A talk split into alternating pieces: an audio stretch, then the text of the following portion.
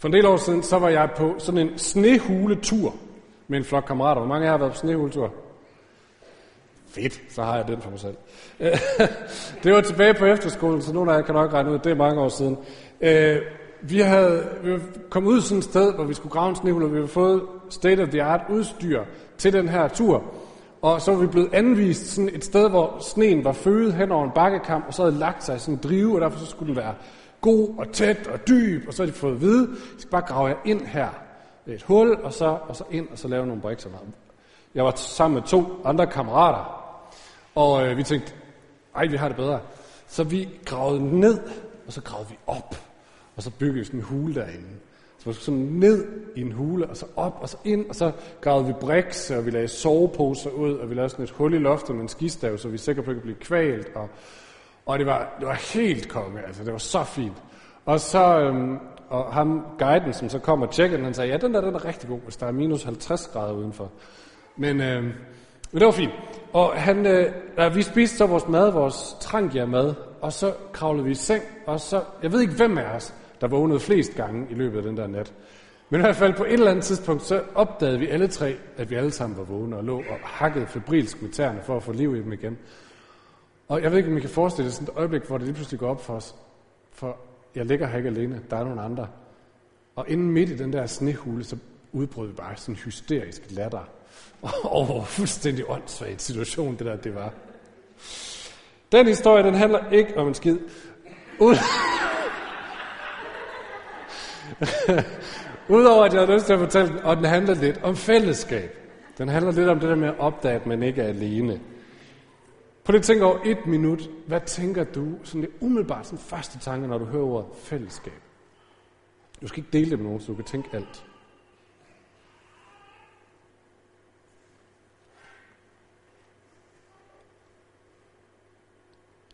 I de her aftenbudstjenester, så er vi som sagt i gang med at undersøge noget af den kultur, som Jesus gerne vil efterlade hos sine disciple, og så videre gennem dem til hele verden.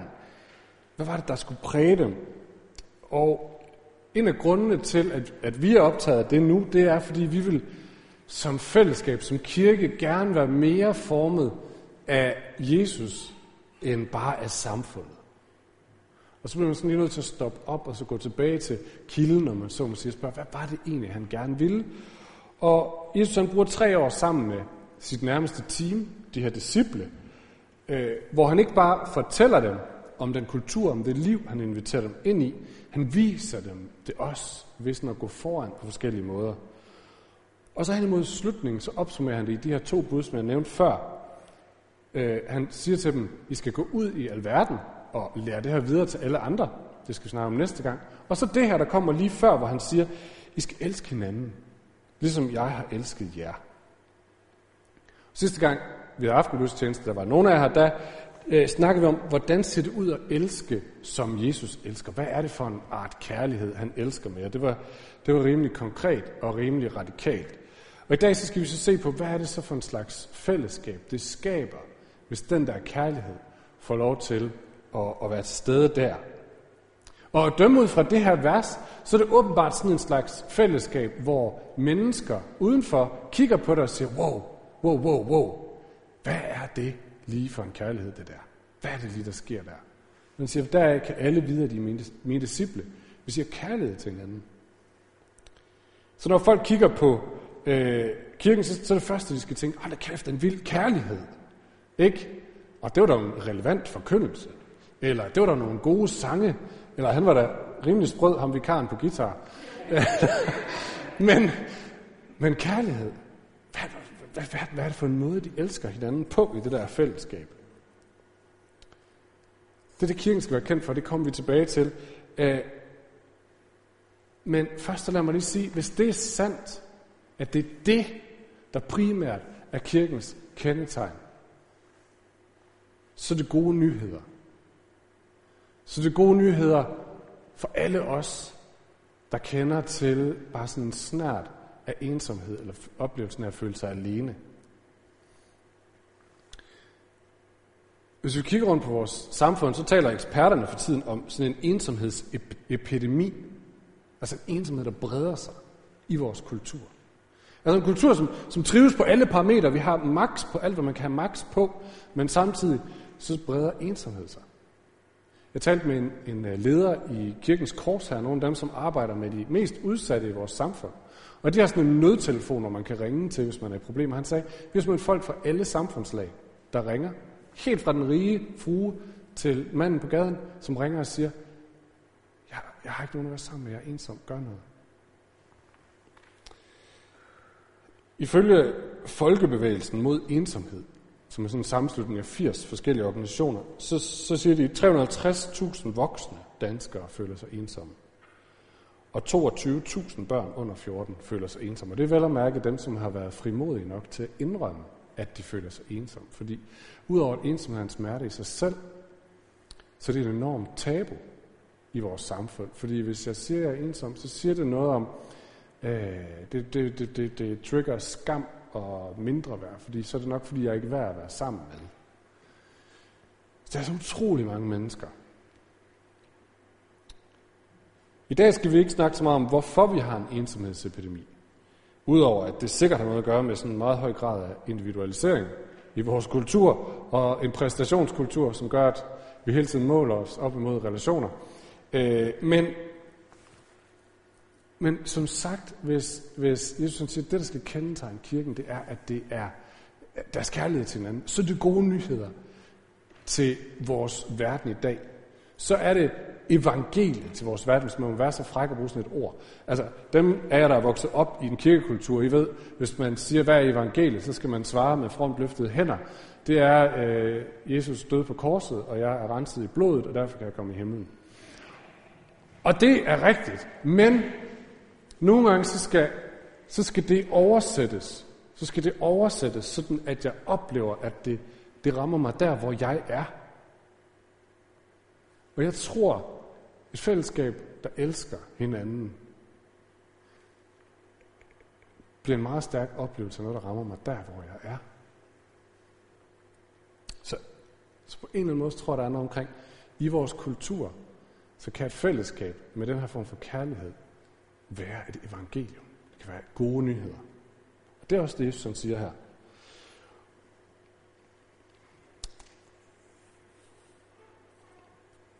Nogle af jer sidder måske og tænker, ja, ja, ja, så godt er det jo heller ikke. Får lige holde her. Men hvis du tænker på det, hvis du tænker sådan, så prøv lige at forestille dig pinsedag. Pinsedag. Nogle af jer kan huske bibelstoren, ellers kan jeg lige gentage. Disciplene er samlet efter Jesu død og efter Jesu opstandelse, og de sidder alene øh, i et rum, fordi de har fået at vide, at de skal vente der, til de bliver iført kraften fra det højre, Jesus sagt. Så, så får I nye planer, og så skal I gå videre. Der, indtil da, så skal I bare vente.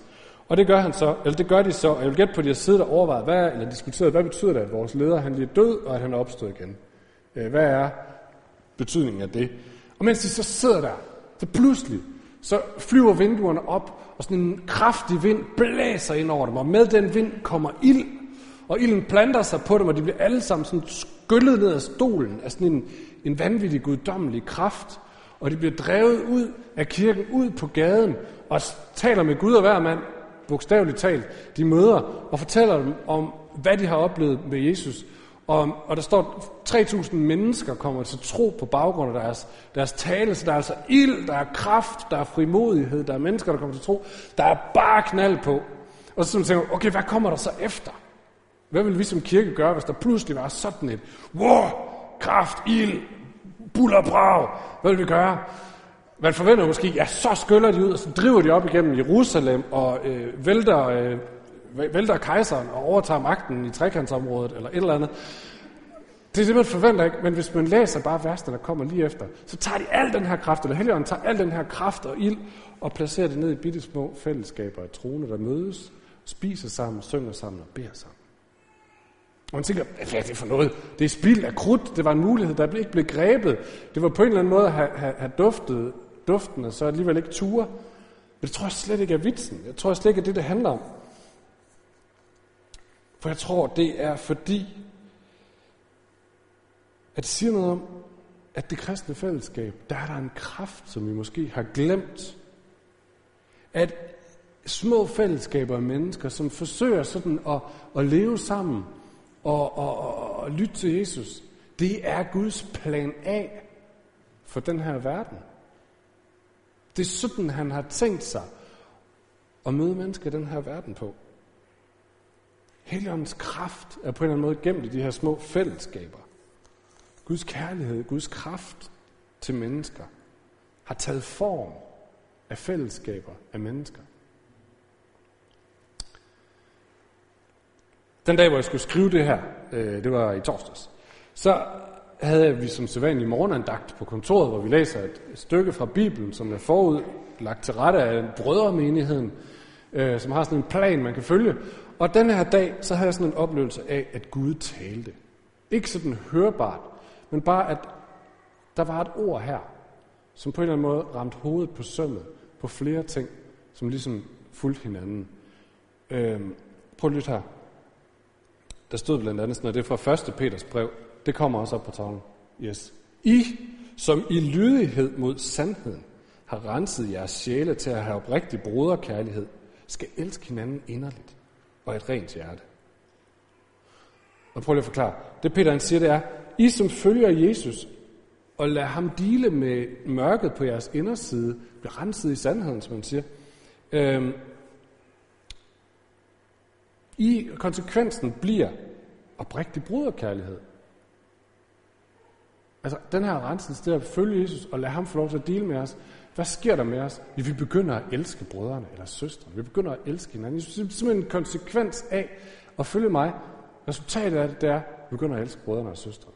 Og her sidder vi og tænker, ah, øh, jeg havde tænkt noget i retning af indre fred, eller harmoni, eller balance, eller oplevelsen af mening, eller sådan noget. Og det er helt sikkert også rigtigt. Men det første, Peter han hiver frem her, det er, at han siger, der hvor helgenen kommer ind, der hvor Jesus har fået lov til at bo, er resultatet, at vi begynder at elske brødrene og søstrene.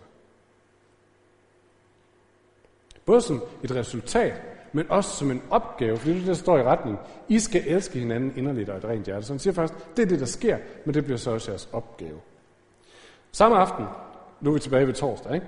Fordi det passer med, at jeg skulle så skrive prædiken, og så kom det her ord, og jeg tænkte, yes, det passer. Samme aften skulle jeg sidde sammen med en fra kirken, Peter, ikke ham Peter, der har skrevet det her, en anden Peter, og øh, vi skulle så arbejde med et, øh, en artikel eller et papir om etik.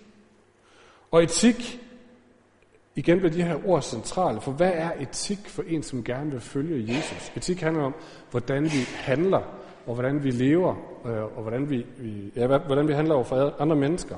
Hvad er etik for en, som følger Jesus? Det er at lade Guds sandhed og kærlighed forme mig, så mit liv, mine handlinger, mine prioriteringer mere og mere formes af hans sandhed og kærlighed, i stedet for, hvad jeg lige har lyst til. Så det her ord blev igen helt centralt, da vi skulle så arbejde med det om aftenen. Det synes jeg bare var interessant. Nå, så kraften i det kristne fællesskab er, at Gud har lagt sin kraft og kærlighed ind midt i det.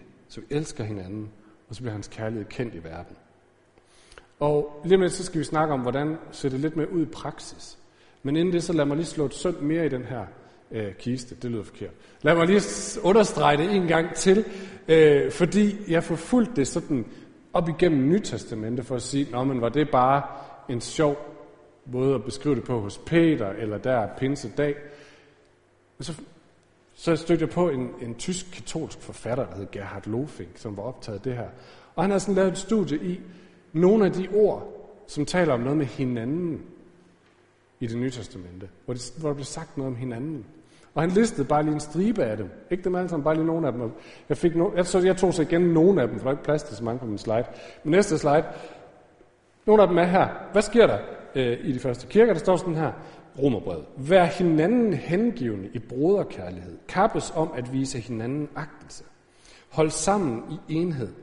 Tag derfor imod hinanden, ligesom Kristus har taget imod jer. Hils hinanden med hellige kys. Vent på hinanden. Hav omsorg for hinanden. Tjen hinanden i kærlighed. Bær hinandens byrder. Trøst hinanden. Opbyg hinanden. Hold fred med hinanden. Stræb altid efter at gøre det gode mod hinanden. Vær over med hinanden. Vær gode mod hinanden. Elsk for hinanden.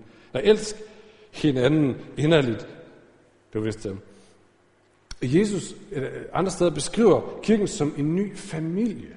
Det stærkeste bånd, man kan forestille sig. Nye søstre, nye brødre, nye far, nye mor. Paulus beskriver beskriver kirken som en krop, altså som en hel masse forskellige lægemstele, og sådan en krop, hvor alle er forbundet på en måde, så hvis skinnebenet får et spark, så ømmer øret sig. Fordi det er et læme. de hænger sammen.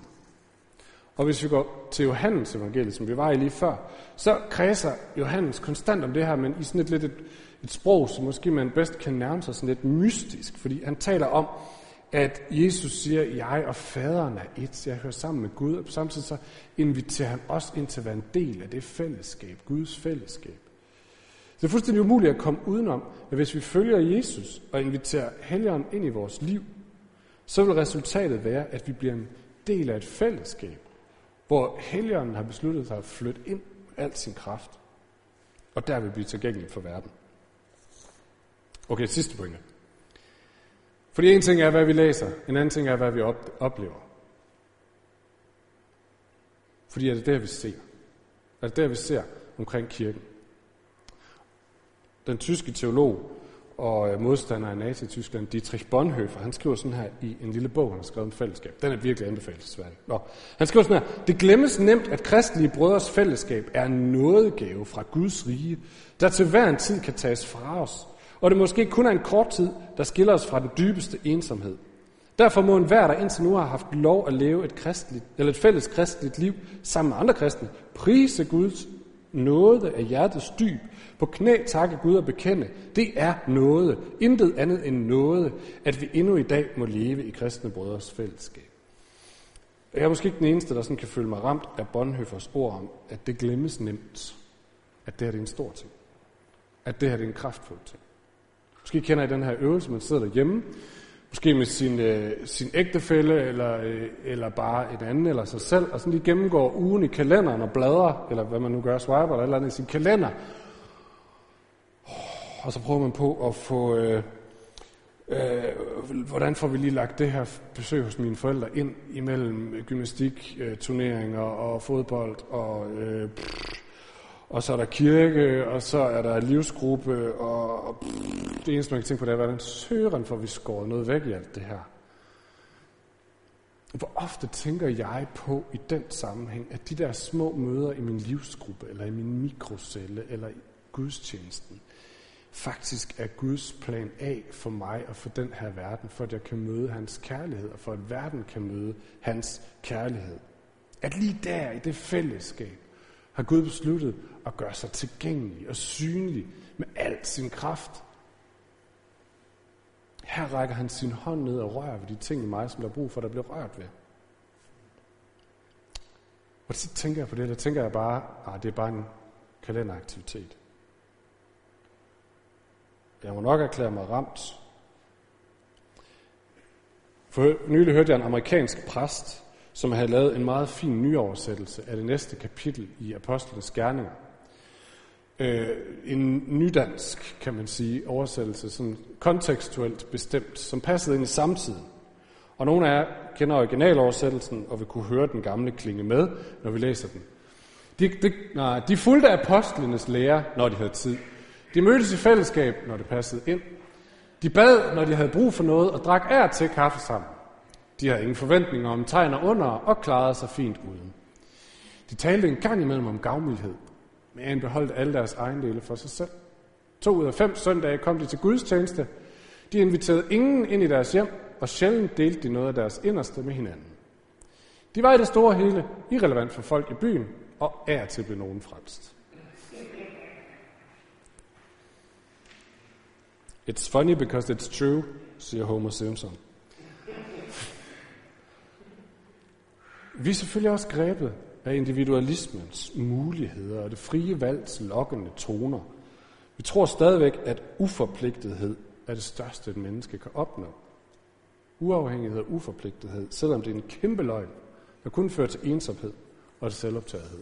Alligevel så tror vi på det, og lever på den her måde, langt hen ad vejen. Glemmer de løfter, Gud har givet om fællesskab. Det ved Gud.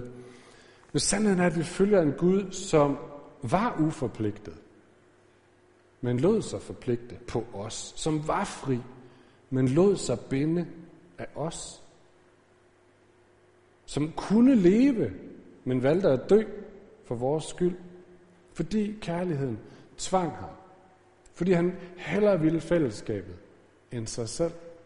Han hellere ville os end ikke os. Og der har man inviteret os ind både i fællesskab med ham og i fællesskab med andre, hvor vi får af hans nåde, og hvor vi er med til at give til andre af det, han har givet os.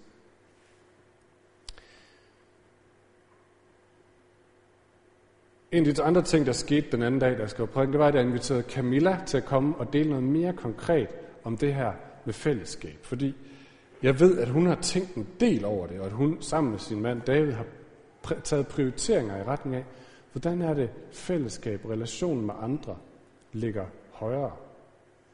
Så tak fordi du gider det, Camilla. Værsgo. Tak for det. Er jeg på her? Sidder det fint? Øhm, ja, da Christoffer han spurgte mig, om jeg vil sige noget om fællesskab, så øh, sagde jeg ja, uden at tøve.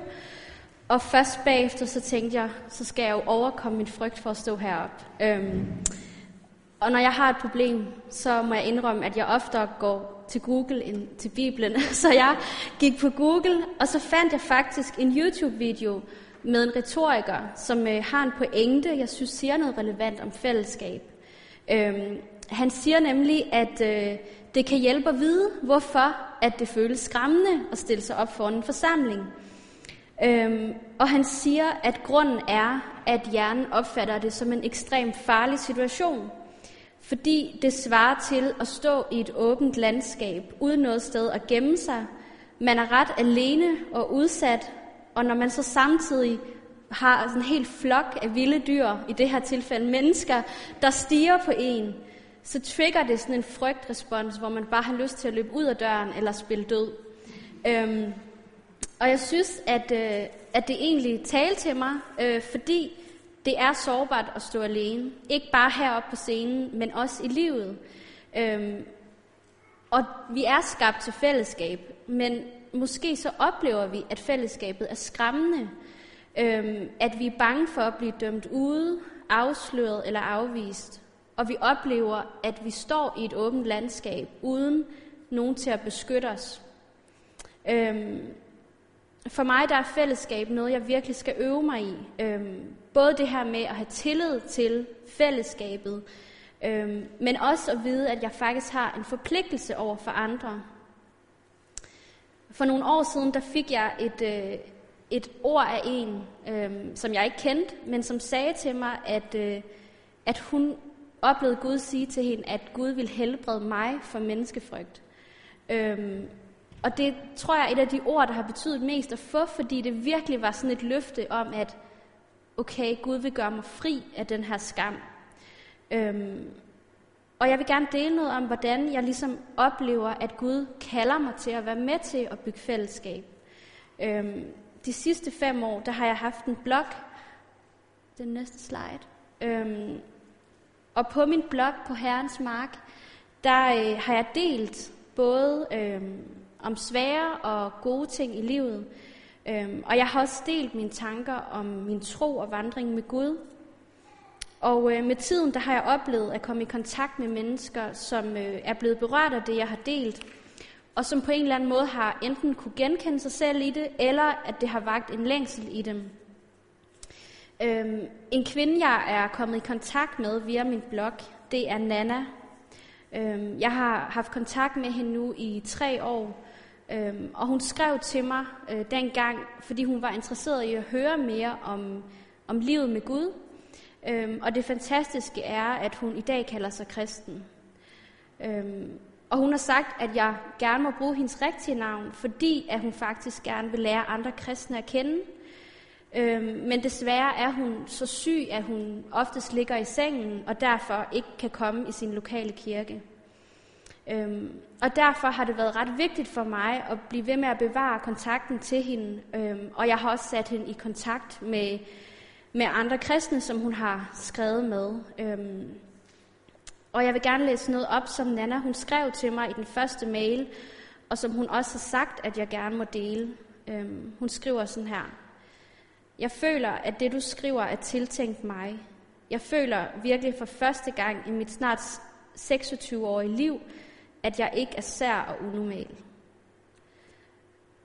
hendes ord, synes jeg, både viser, hvad det vil sige at føle sig udenfor. Altså, at andre får en til at føle sig sær eller unormal. Øhm, og at, øh, at hun så nu har fundet et sted gennem de ting, jeg har delt, hvor hun faktisk oplever, at hun bliver set, øhm, og at det kristne fællesskab for hende, selvom at det er digitalt, faktisk har været med til at gøre, at hun har fundet et sted at høre til. Øhm, jeg længes virkelig efter, at, øh, at vores kristne fællesskab, det bliver et sted, hvor mennesker de siger, her bliver jeg set, her hører jeg til. Øhm, desværre så er Nana meget syg, og øhm, jeg skal måske besøge hende snart med hendes lokale præst. Øhm, jeg skrev til hende i morges, at jeg gerne vil fortælle om hende, og også spørge jer, om I vil være med til at bede for hende.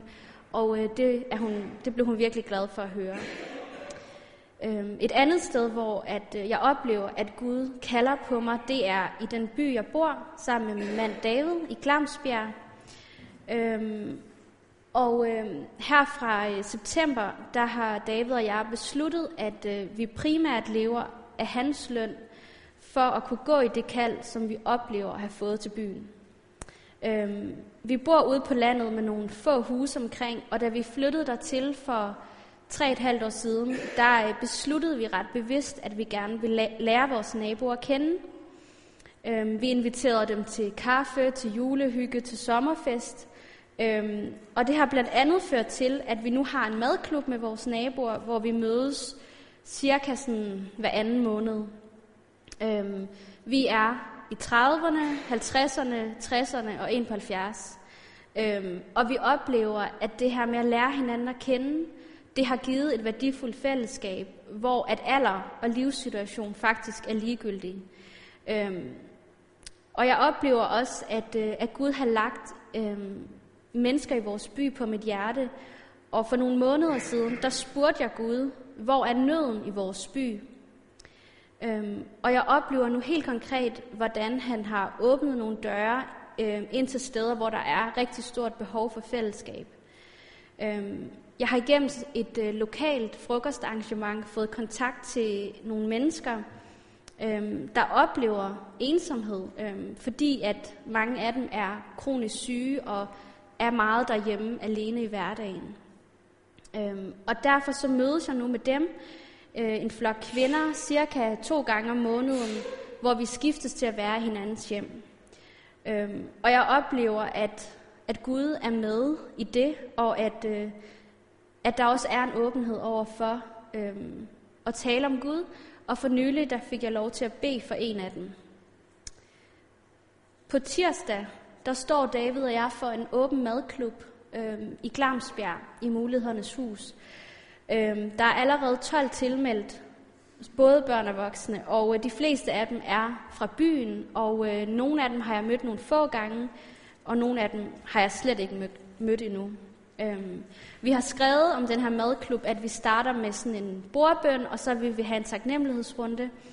Og øh, jeg er virkelig spændt på, hvilke planer Gud har for det her fællesskab. Øhm, ja, jeg må indrømme, at jeg ikke altid synes, fællesskab er let. Altså, jeg kan opleve, at jeg får den her menneskefrygt, at jeg får lyst til at gemme mig og ikke blive set.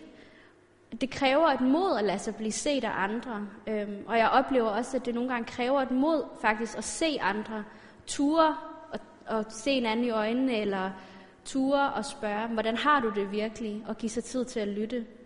Øhm, og jeg oplever også, at det koster mig noget at involvere mig i andres liv. Jeg bliver påvirket, jeg bliver udmattet, jeg bliver træt, jeg bliver bekymret. Øhm, men på en eller anden måde, så bliver jeg også bare mere afhængig af Gud, og afhængig af, at han bliver en del af, af de relationer, jeg har. Øhm, og jeg har opdaget, at nogle gange, så tror jeg bare, at det bedste, vi kan gøre, er at, at vise den anden, at vi, vi, vi er der, og vi ikke engang behøver at have så meget klogt at sige. Øhm, så for mig, der har det her været en vandring med Gud. Altså at få et perspektiv på, at når jeg er kristen, så har jeg Gud med mig, og jeg bringer Gud med ind i de relationer, jeg har. Øhm, og også at Gud allerede er i gang med noget, øhm, og at han inviterer mig til at se det, han er i gang med, Øhm, og at han ønsker at, at, at være til stede i relationer. Ja. Og Christoffer han vil uh, sige noget om, hvordan vi kan blive konkrete. Jeg tror, det var Camilles idé, at vi vil ikke lade os slippe så let.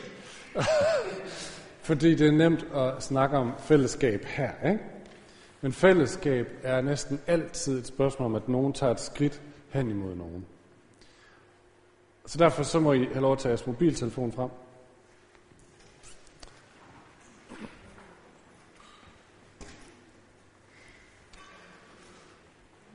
Og så må I, det plejer man ikke må, men næste to minutter, så må I skrive en besked til en eller anden, fuldstændig lige meget hvem, som I har lyst til at give en opmuntring. Det kan være en mor. Tak fordi du var der. Det kan være en kammerat. Hey, tak for det du sagde der, eller tak fordi du altid smiler, eller hvad ved jeg. En eller anden, som I tænker, vedkommende kunne godt bruge en opmuntring. Det er det første skridt til fællesskab. Værsgo.